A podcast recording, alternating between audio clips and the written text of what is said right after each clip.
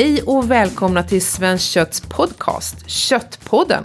Jag heter Elisabeth Kvarford och är VD på Svenskt Kött. I Köttpodden träffar jag intressanta gäster och pratar med dem om just kött.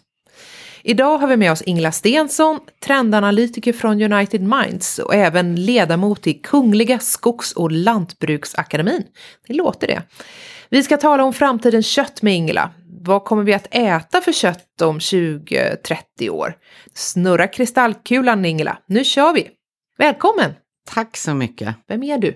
Jag är en bonddotter från Sörmland som älskar framförallt två saker eh, yrkesmässigt och det är mat och det är kommunikation. Jag tycker det är eh, lika roligt bägge två och kombinationen är ju oslagbar där.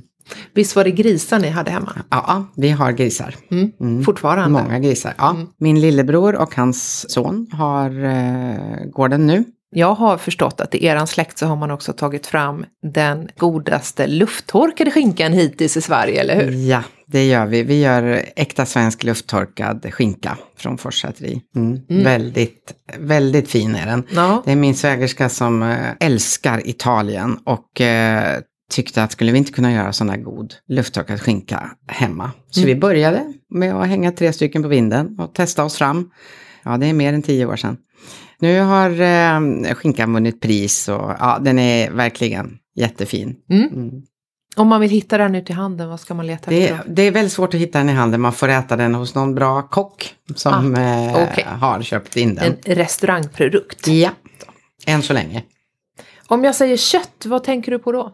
Jag tänker dels på liksom, grillat eller stekt kött som jag tycker mycket om. Men jag tänker även på riktigt goda långkok. Och hur vill du ha ditt kött stekt? Jag vill ha medium rare. Och jag vill ha, stekytan ska vara perfekt, en bra maillardreaktion där, för det är så gott. Hett i pannan alltså? Ja, hett i pannan, men inte för hett så att det inte blir liksom lagom medium rare där. Mm. Inte bränt. Nej. Hur ofta äter du kött? Det varierar ganska mycket, men jag äter kanske tre gånger i veckan. Beroende lite på, det beror på hur man räknar. Mm. Man tar skinka på mackan på morgonen eller om jag äter köttgryta. Det är lite olika, det är det. Om du bara får äta en kötträtt resten av livet, vilken skulle det vara? Alltså det skulle ju aldrig förekomma att jag skulle hålla mig till en köttbit resten av eh, livet. Men jag är väldigt svag för goda grytor. Och det går att variera. Och, ja, jag gillar det. Mm. Och vilket är det bästa kött du någonsin ätit? Jag har ju haft förmånen, eftersom jag har jobbat med många kockprojekt och så vidare, att verkligen få smaka många goda sorters kött. Men jag vet att han, geniet där, eh, Mattias Dahlgren, han stekte kött till mig en gång som var fantastiskt gott. Eh, det var i samband med en Bocuse d'Or-tävling. Ja, det var nog kanske ett av de allra bästa mm. kötträtterna. Och vad finns den godaste korven? Alltså jag varierar rätt mycket i eh, korvätandet, men jag gillar verkligen alla nya sorts korvar som har kommit. Och sen gör vi ibland korv hemma också och den är förstås eh, alldeles speciellt god eftersom man gör den själv så blir det så bra. Vad är det för slags korv? Vi gör väldigt mycket blandat eftersom man, när vi ska göra korv då blir det också så att då tömmer alla frysarna. Då gör man rent hus med det man har och så mal man och gör korv och så vidare. Så att det kan bli lite vad som helst, men kanske mest fläskkorv. Mm. Men mycket olika kryddningar och sånt har vi provat genom åren. Om du var landsbygdsminister, vad är det första du skulle ta tag i? Då tänker jag att den regering jag satt i och jag skulle kunna sluta se mat som, det, som vilken industriell produkt som helst, utan se att det finns att det är andra förutsättningar för att eh, syssla med lantbruk än att, eh, att betrakta det som vanligt företagande. Utan se de stora värden som finns i det här och hur, hur mycket det hör ihop med vår eh, svenska natur och eh, så vidare. Och att det här ligger så varmt om svenska konsumenters hjärtan. Det skulle jag ta vara på mycket mer. Så jag skulle nog underlätta för bönder och för eh, landsbygden att eh, leva på ett bättre sätt.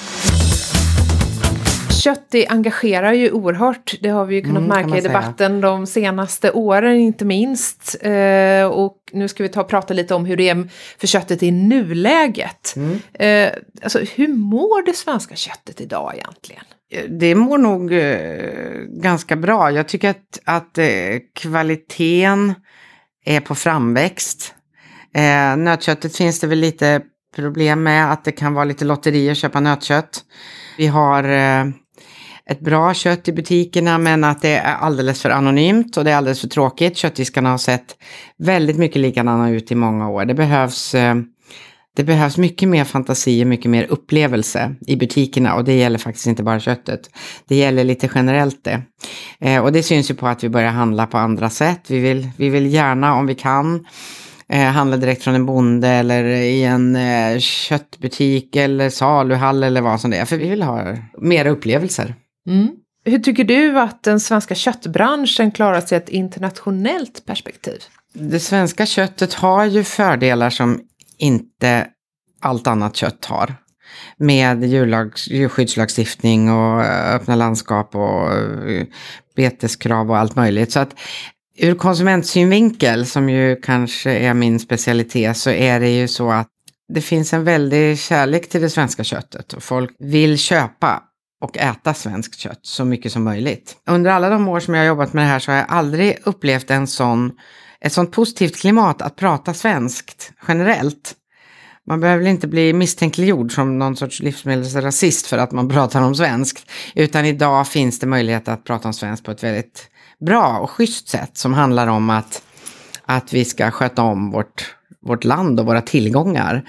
Och att eh, barnen ska få svensk mat i skolan. Få, få mat som växer på åkrar runt omkring och kött som kommer ifrån i närheten istället för långt bort.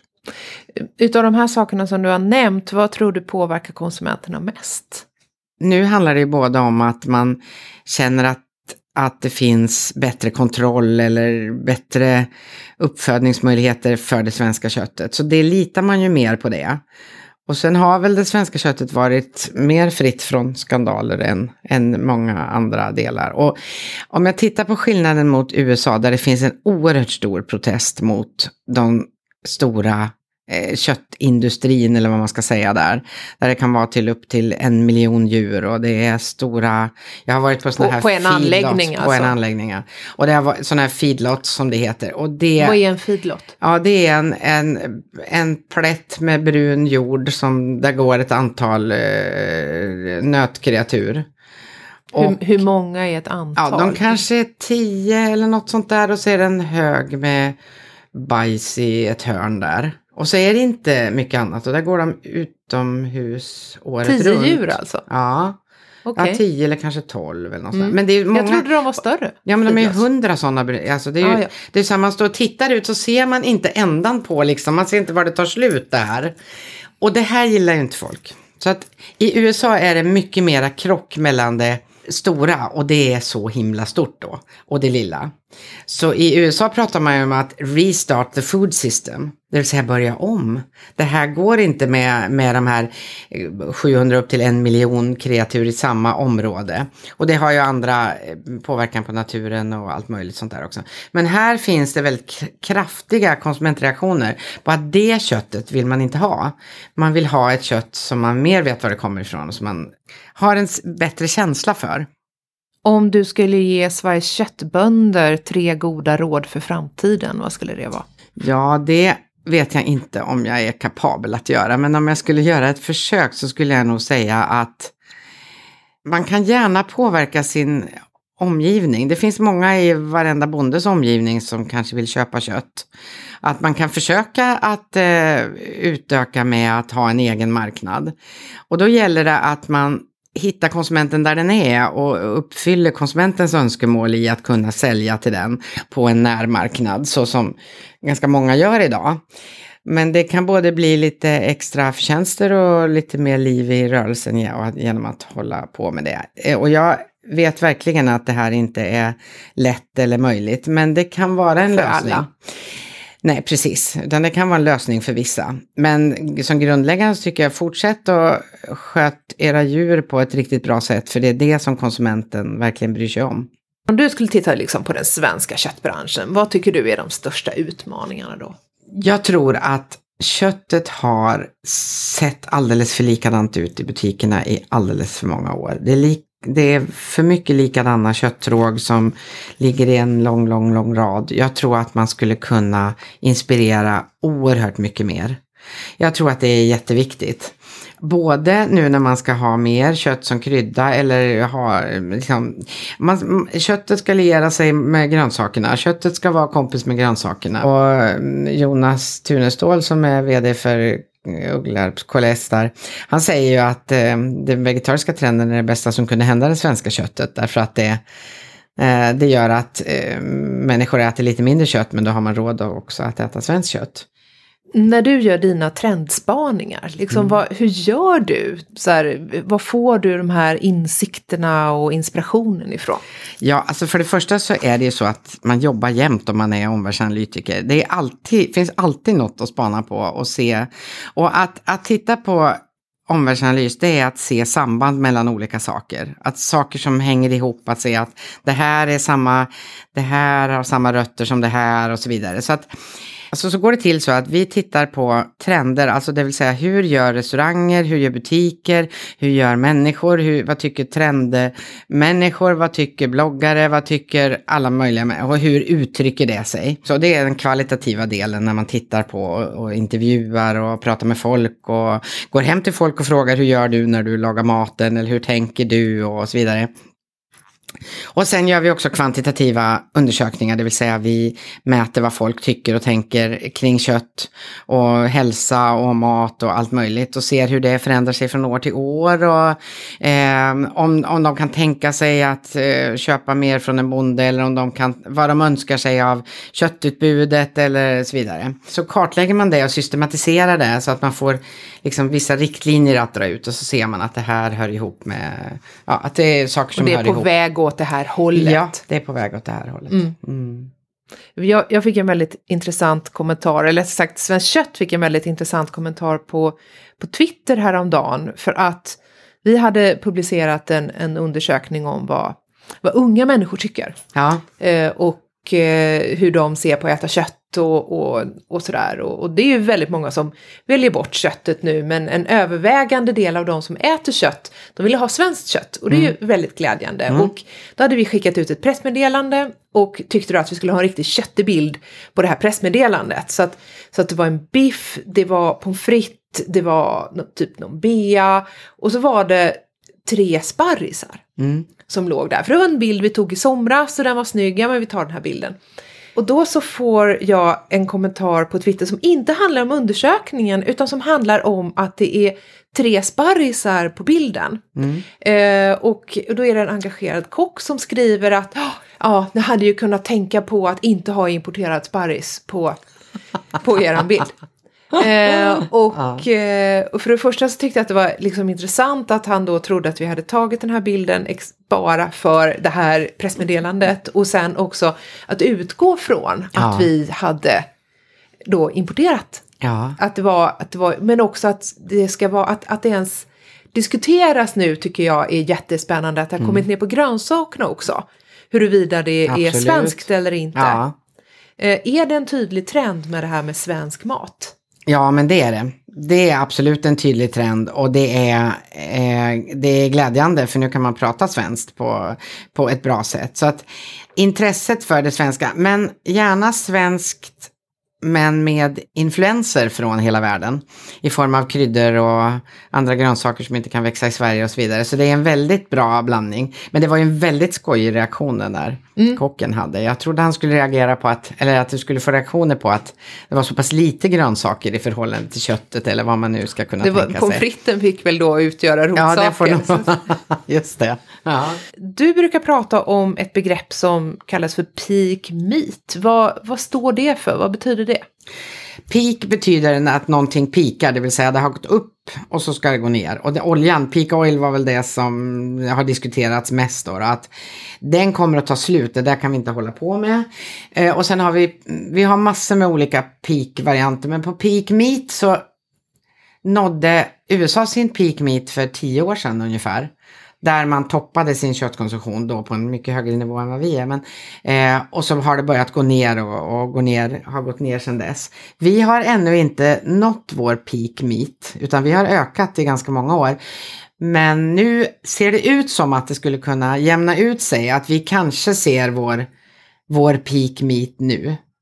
Men det återstår att se. Mm. En annan peak som kommer nu det är vår peak stuff. Vi orkar inte grejer med alla alltså. våra grejer. Vi vill gärna bli av med våra grejer och vi vill inte, vi vill ersätta vissa, men vi vill inte ha så mycket grejer. Vi vill mycket hellre ha utvalda saker, vi vill låna, hyra, dela eh, och så vidare. Så att på den, på peak stuff-delen finns det också en del som är saker som är intressanta. Där tycker jag att det skulle vara spännande om man skulle ha någon, sån här, någon lånemarknad för köksutrustning. Ja, har du helt rätt i. Jag vill inte gå och, och köpa en eh, sån här skärmaskin till exempel för 4 000 bara för att jag ska kunna stå och, och eh, skära upp eh, dina släktingars goda lufttorkade skinka. Mm, nej, då kan du låna ut den till grannen så kan de också göra det. Ja, ja. Och det där har ju börjat, framförallt på byggredskap och sådana saker, eh, sådana maskiner och så har ju börjat. Så det där kommer nog att fortsätta. Och det är ju både att man inte vill slösa med pengar, och, men också att mm, det är ju idiotiskt att vi har grejer som vi så sällan använder. Vi har ett stående inslag i podden där vi går ut på stan och frågar vad folk tycker i olika ämnen. Den här gången har vi frågat om framtidens kött. I framtiden, är det något kött som du kommer att äta mer av, tror du? Vildsvin kanske, tänker jag. De är, men de är visst svårjagade har jag förstått. Men de är väl bra att äta upp. De här vilda djuren är väl bra att äta upp. Som ändå måste skjutas för att de blir för många. Jag tror att jag eh, kommer försöka käka mindre kött. Eller jag gör det redan, jag försöker käka mindre kött. Sen um, faller man för lustarna. Det är jävligt gott liksom. Det är väl det. Att man käkar mindre och kanske tänker lite mer på liksom, klimatpåverkan och så. Um, skulle jag kunna vara duktigare på. Vad säger jag? Fisk? Ja, man får se vad man vill. Ja, nej men jag, är, jag gillar ju kött och det kan bara djurhållningen funka liksom så att det inte blir för konstgjort så absolut kommer jag äta kött men det måste vara på riktigt. De ska äta gräs och sådär. Så mycket det går alltså. Skulle det bli så att de bara står i burar hela tiden och käkar konstmedel då, då slutar jag nog äta kött. Det gör jag. Det får vara på riktigt på något sätt. Så. Ja, I framtiden så blir det väl mer det man får äta av, känns det som. Eh, det vill jag ju ha. Men eh, får jag välja så vill jag väl egentligen, jag tycker om köttfärs. Färsrätter tycker jag är gott. Jag vill fortfarande äta råbiff i framtiden. Kunna äta det. För det tycker jag är en fröjd. Eh, Det tycker jag är supersmarrigt. Mm, det verkade ju inte som att det var så väldigt många som inte, utom, utom de här personerna som inte hade tänkt sig att sluta äta kött helt och hållet i alla fall. Eh, och eh, vild, vildsvin är ju, det är ju spännande, även om de kan vara lite svåra att få tag på. Som, Ja eh, som de sa. Vad, hur tänker du liksom kring, kring just eh, så här, framtidens kött? Liksom, när du, vad, vad är det du hör när du är ute och, och spanar? Ja, alltså nu pågår det ju liksom en nu pågår det en väldigt stark grön trend och vind kan man säga. Och eh, eh nu, nu är det ju fullständigt orimligt att vi har liksom i stort sett en stor en stor bov för klimatkrisen och det är kossan. Det är inte flyget alltså? Nej, det, nej, precis. Alltså det är fullständigt orimligt hur det har blivit så. Och eh, att eh, eh, vi tror att lösningen är att vi i lilla Sverige minskar vår köttkonsumtion. Och jag tror att vi ska kanske minska köttkonsumtionen eller äta lagom mycket kött, det tror jag. Och kanske lite mindre mängd och kött som krydda och så vidare. Eh, och äta mera grönt. Men det har fått våldsamma eh, proportioner tycker jag. Jag brukar säga att kossan är, har vissa klimatnegativa eh, följder av sig. Men de har ju också en stor miljönytta i att vara, hålla våra landskap öppna och allt det här. Och det där är tydligen väldigt svårt att prata om och eh, eh, dramatisera. Eh, därför att det är ju så himla viktigt. Det har ju med vår artrikedom och med både på blomstersidan och på art, eh, att ha artrikedomen kvar och så vidare. Och inte för att inte tala om alla små kryp och allting sånt där. Det är ju en jättefantastisk saga egentligen som inte berättas tillräckligt mycket tycker jag. Jag var i, i USA på trendresa och där var man ju oerhört vegetariskt inriktad då och jag var på en utfärd som hette Plant-Based Universe. Och, ehm, Plantbaserat universum alltså. Exakt. Eller Och det var växtbaserat. väldigt mycket så här, I'm a plant-based person, så här, som en, så här, en etikett på mig, så här, att jag var bara plant-based och det var det som var. Och det var nästan lite, alltså det var klart överdrivet så, att det var det som var, det som skulle rädda världen helt och fullt. Ja, då blir det ju åt sekthållet, precis som LCHF har varit och som ehm, jakten på eh, vilka kolhydrater man ska äta och inte. Och hela, det har ju varit så här i, i 40-50 år, för inte, man kan säga ännu längre. Först var det en jakt på fettet, att vi skulle inte äta fett, det var fettet som var farligt. Och sen så liksom schatterades det upp i enkelomättat och fleromättat och transfett och eh, alltihopa. Och sen kom eh, kolhydratdiskussionen. Först mot kolhydrater och sen blev det då korta och långa och allt det här som är nu. Och den fortsätter. Och nu är vi mitt i proteindiskussionen. Paradoxalt nog så är det liksom proteinhets samtidigt som det ska vara köttminskning. Vilket ju till viss del finns eh, krockar emellan. Men också att det finns många nya liksom, proteinsorter. Men här har vi inte hunnit till diversifieringen av det. Vi diskuterar inte proteinkvalitet. Vi diskuterar för lite biotillgänglighet och effekter på det här och så vidare. Det är väl därför Nu, som... nu, nu får jag backa bandet här. Biotillgänglighet, vad är Ja, det för vad, vad, hur, vilken tillgänglighet har du till, till näringsämnena i, eller till aminosyrorna i proteinerna? I, Alltså när man har i- stoppat i sig Ja. de här proteinerna Ja. och de kommer Vad- ner i vad- magen och ja, ska tas upp av kroppen. ja, precis. Okej. Ja, men du kan ta så här, järn i spenat. Den har du nästan noll biotillgänglighet till tror jag. Kroppen kan inte ta upp den Nej, alltså? kroppen kan inte ta tillvara den. Och eh, där är det ju väldigt o- olika hur bra vi kan ta upp olika proteiner och olika proteiner i olika kombinationer och så vidare. Vi behöver en viss aminosyresättning och det är klart att köttproteinet är ju väldigt värdefullt för oss. Är det för att det ligger så pass nära oss Ja. själva så att vi Mm, har så visst. lätt, våran kropp har så lätt att plocka upp det proteinet? Ja, För att ja. annars så går det bara genom kroppen och kommer ut någon annanstans. ja precis. precis. Mm. Så att där finns det, fattas det ju väldigt många diskussioner. Likadant som att vi måste nog prata lite om den järnbrist som lätt uppkommer framförallt hos unga kvinnor om man inte äter kött.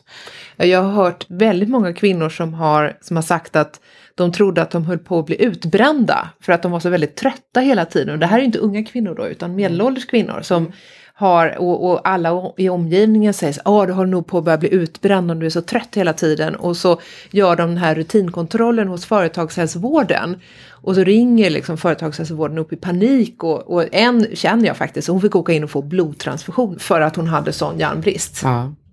Nej, alltså, sen finns ju alla sorters varianter. Jag har, intervjuat, har intervjuat ett antal veganer och så. Jag intervjuade en vegan, en tjej, hon åt strikt vegan, men hon åt leverpastej. Därför att annars så fick hon sån järnbrist och så ont i huvudet så att hon var tvungen att göra den. Hon hade försökt med andra vägar, men som inte funkade, i alla fall inte på henne. Nej. Så att, eh, ja. Leverpastej vegan. Ja, men det, det är ett nytt. Det Ja. är flexitarian, Ja. leverpastej vegan. Ja, precis. Rimmar.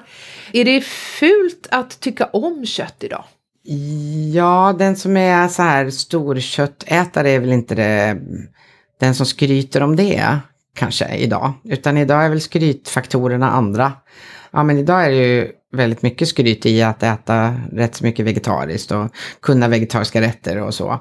Och det är ju bra därför att mer, gröns, mer grönt är ju bra för oss. Det är det ju. Och Väldigt många har ju i många år, vi äter fortfarande alldeles för, för lite både fibrer och, och grönt. Så att det tror jag är bra. Jag har själv lagat vegetariska rätter i alla tider för att ha goda tillbehör till kött.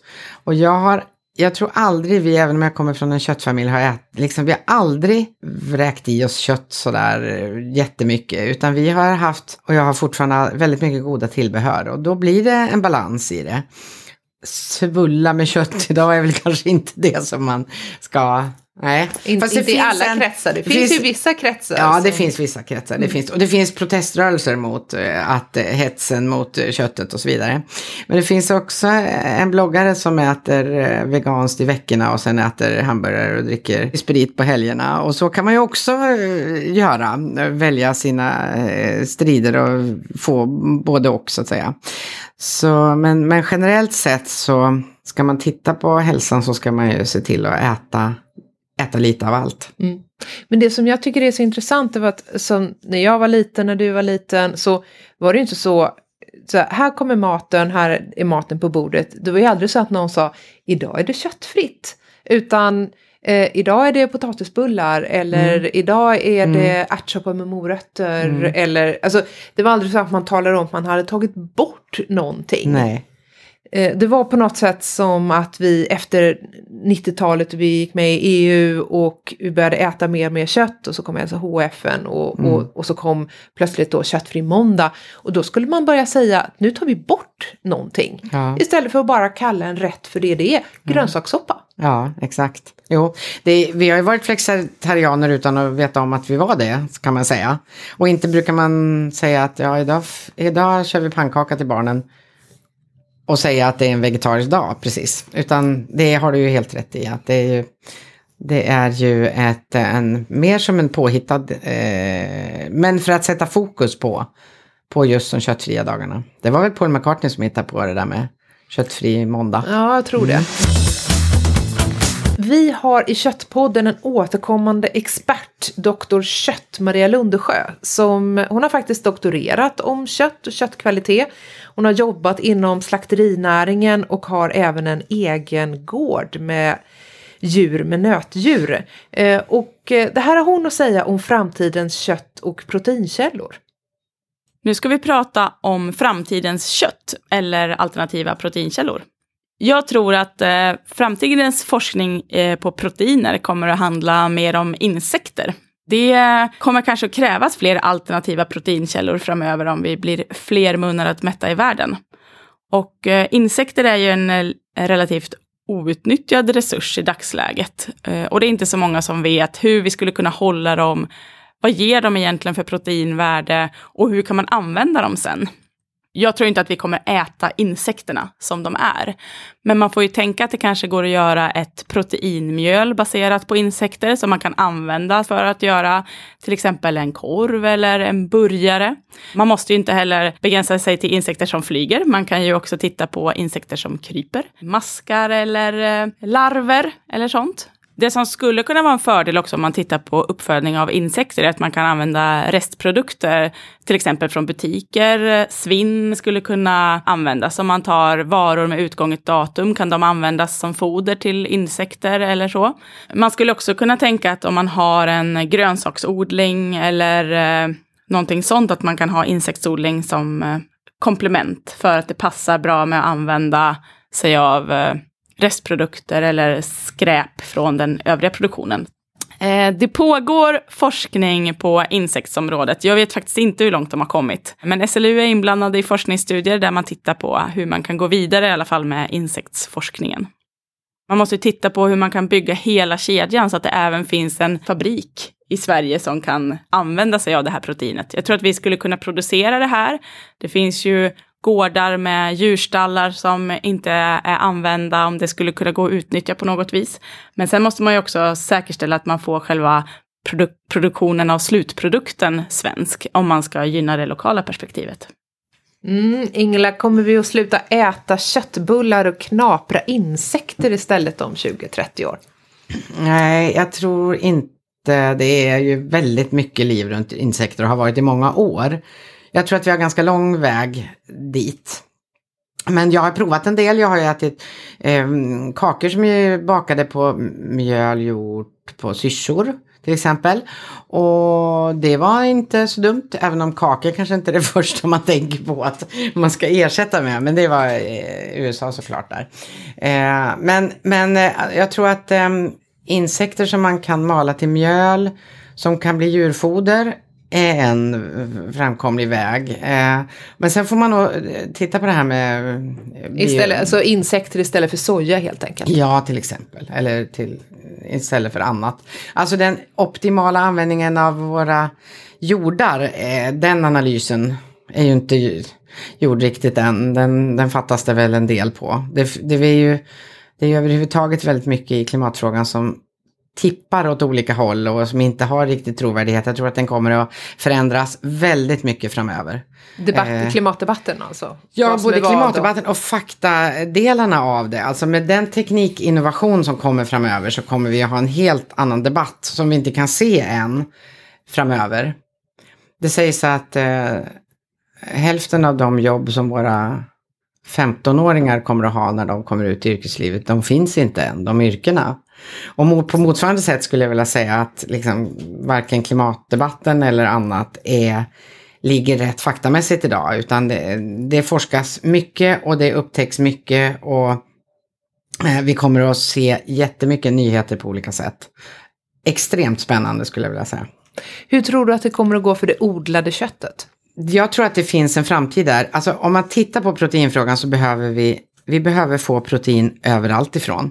Så jag tror inte att köttet behöver vara oroligt på det sättet, utan vi behöver tillgång till protein från alla håll. Och eh, det pågår ju även försök med att odla på andra planeter till exempel. Och vi har eh, eh spännande eh, initiativ som Beyond Meat och som eh, Impossible Foods och så vidare. Och mm, initiativ där Bill Gates stödjer eh, eh, framtagning av andra proteiner. Och det vet man ju att när han gör det så handlar det inte om pengar utan det handlar om rent engagemang också. Att han ser att det här är någonting som behövs i framtiden. Så här kommer det att hända jättemycket.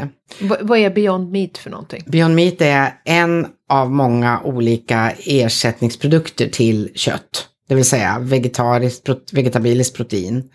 Nu växer det fram en hel skog av vegetariska alternativ till kött. Och där man härmar köttet. Det är köttet som är normen. Eh, så man gör korvar och man gör biffar och man gör eh, puckar och man gör allt möjligt så här, i samma form som, som köttet eh, är. Men av vegetabiliska proteiner. Det tror jag är jätteviktigt. För vi kommer att behöva som sagt allt protein. Men varför är det så viktigt att härma köttet? Ja men det är ju någonting som vi känner igen. Grönsakerna har inte riktigt hittat sin egen form idag. Det är intressant. Eh, mer än kanske i soppor eller i mousse eller sådana saker. Men där tror jag också det kommer att hända mycket. Alltså utveckling av den vegetariska maten. Jag tycker Krogarna är dåliga på vegetarisk mat, de allra flesta. Det kommer nu nya, men eh, nya jättespännande krogar. Men det är på, än så länge på för dålig nivå. Jag har provat ätit vegetariskt en del och det där måste man tänka mycket bredare. Man måste tänka i hel måltid. Och inte bara liksom ta bort en sak och så lägga till. Och utan att lägga till särskilt mycket annat. Utan man måste tänka, måltidstänka. Man måste ha en, en vegetarisk måltid i så fall som känns, eh, som känns lika bra som en kött eller fiskmåltid. Några nya köttslag, vi har pratat insekter. Finns det något annat som du märker liksom ligger där och, och, och puttrar? Kaniner eller olika Ja, kaniner är ju, har ju problemet att vara sådär gulliga. Det är svårt det där. Men vildsvin är som togs upp. Vildsvin är ju intressant. Alternativet är att de förstör väldigt mycket. Alltså jag tror alla, allt, allt kommer att provas och utvecklas på olika sätt. Flera raser, precis som man håller på med grönsaker idag. Man letar reda på gamla bondbönor och eh, många sorter och sådär. Jag önskar verkligen att eh, man har möjlighet att behålla flera raser av både, både kyckling, höns, eh, grisar och kor. Så att man får en mångfald på det här och titt, ser på hur, hur passar det ihop med klimatutvecklingen och så vidare. Där finns nog en hel del att göra. Mm. Idag så är ju kött både status och föraktat. Hur kommer bilden att se ut framöver? Kött kommer att behålla sin status eh, där det förtjänar det, så att säga. Där det fyller funktioner hos konsumenten, de, de önskemål som konsumenten har, det vill säga att djuren har haft det bra. Eh, man har inte mm, liksom använt metoder som påverkar klimatet negativt. Man har skött om djuren bra, man har gett dem bra mat, man har så vidare. Där, ett sånt kött kommer inte att tappa i status. Men däremot så har köttet, som ju alltid har varit högst på statustoppen, eh, eh, toppen, därför att det har varit någonting som man har köpt när man har haft mera pengar. Det har varit ett tecken på rikedom att kunna köpa mycket kött. Och är väl det till viss del fortfarande. Men nu är det ju andra delar som gäller så att nu, nu, eh, nu får köttet flytta på sig lite på den där tronen och till viss del vara kvar där. Men också göra plats för grönsaker där.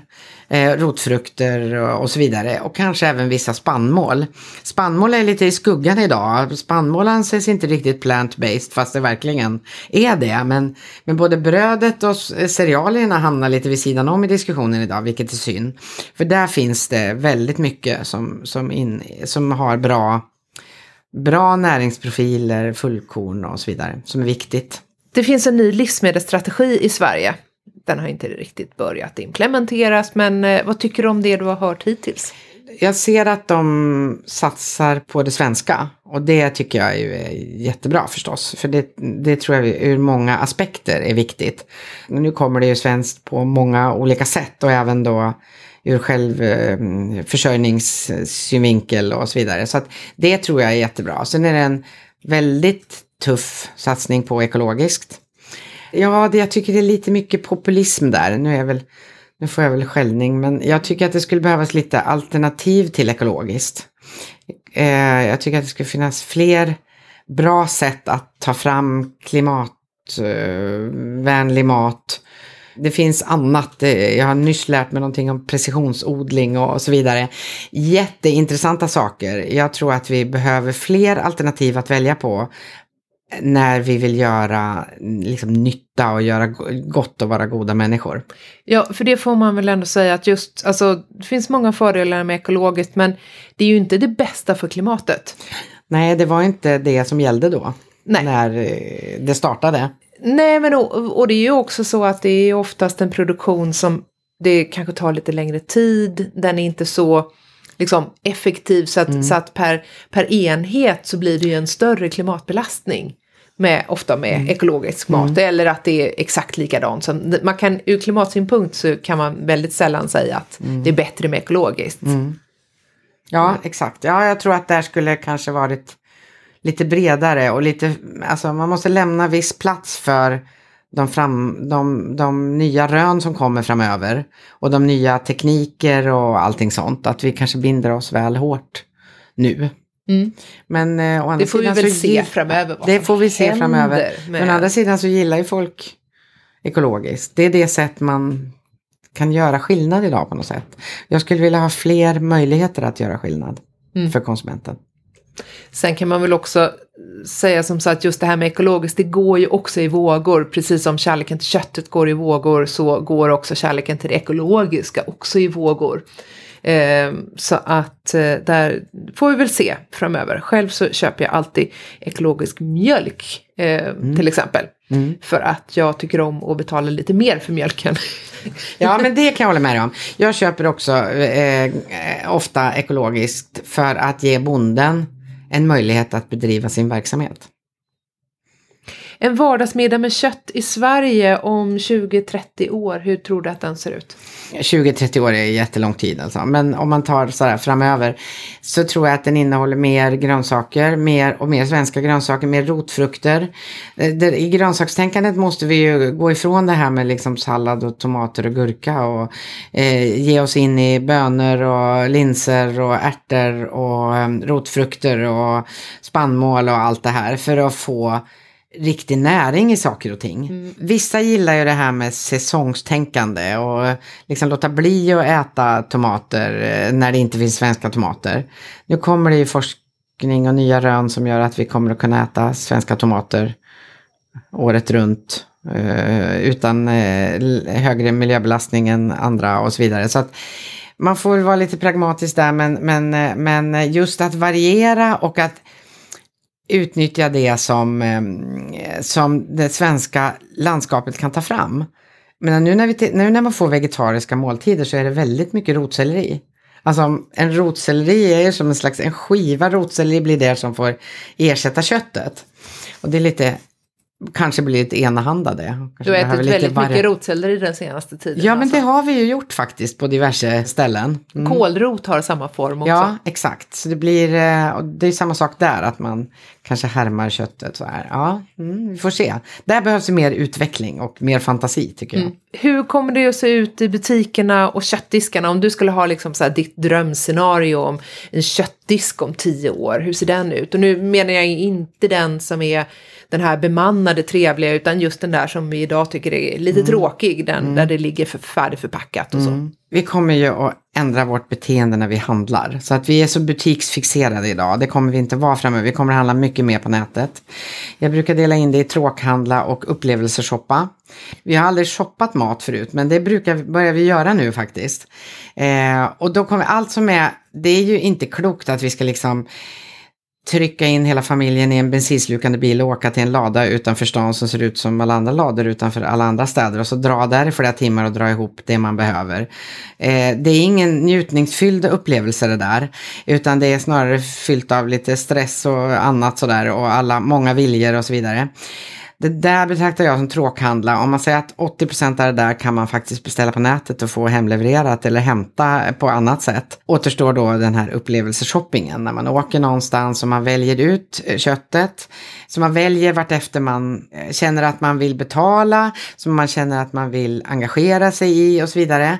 Och där är det nog bemannat eller inte, men ganska mycket information, upplysning. Eh, man kan få reda på saker och ting via dataskärmar på ett helt annat sätt i framtiden. Man kommer att kunna få helt andra signaler och få veta mycket mer om saker och ting. Men man kanske åker till ett ställe där man, eller så har man ett sånt ställe i närheten. Vi ser saluhallar och annat som byggs nu. Man väljer sina kryddor för man vill dofta på dem och man kanske får lära sig lite mer om kryddor. Man kanske går en kurs i hur man kan göra korv, man kanske äter sin lunch där och så vidare. Så att det är mycket mer upplevelseinriktat än det där slita och släpa, bära ved och vatten inriktade handlingen av mat som är idag. Den visar ju redan starka tecken på att minska. Jätteintressant. Tack för att du har varit med i Köttpodden, Ingela Stensson. Idag har vi fått lära oss att eh, vi kanske har nått gränsen för hur mycket kött vi kommer att äta här i Sverige. Att eh, vår mathandlingsupplevelse ska bli lite mer som Liseberg framöver och att eh, vi snart kommer att kunna hyra köttkvarnen av grannen. Eh, synpunkter och tips på Köttpodden tar vi gärna emot på till exempelvis Twitter under namnet Svenskt Kött eller på vår Facebook-sida. Tyckte du om Köttpodden så sätt gärna ett betyg eller skriv en recension på iTunes eller där du hittade Köttpodden. Vi hörs snart igen.